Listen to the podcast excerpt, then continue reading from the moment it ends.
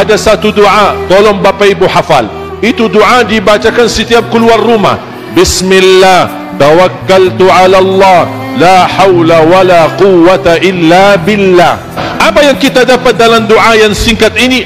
Pertama akan Allah berikan petunjuk. Segala urusanmu akan lancar. Karena ada petunjuk dari Allah Subhanahu wa taala.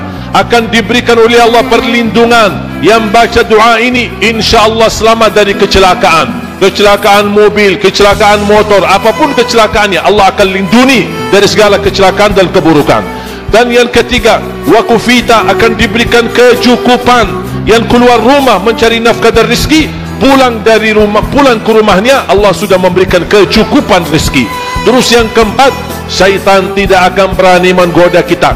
Wa tanahha anhu syaitan kata Rasulullah syaitan akan tergeser tidak akan mampu mendekati apalagi mampu menggoda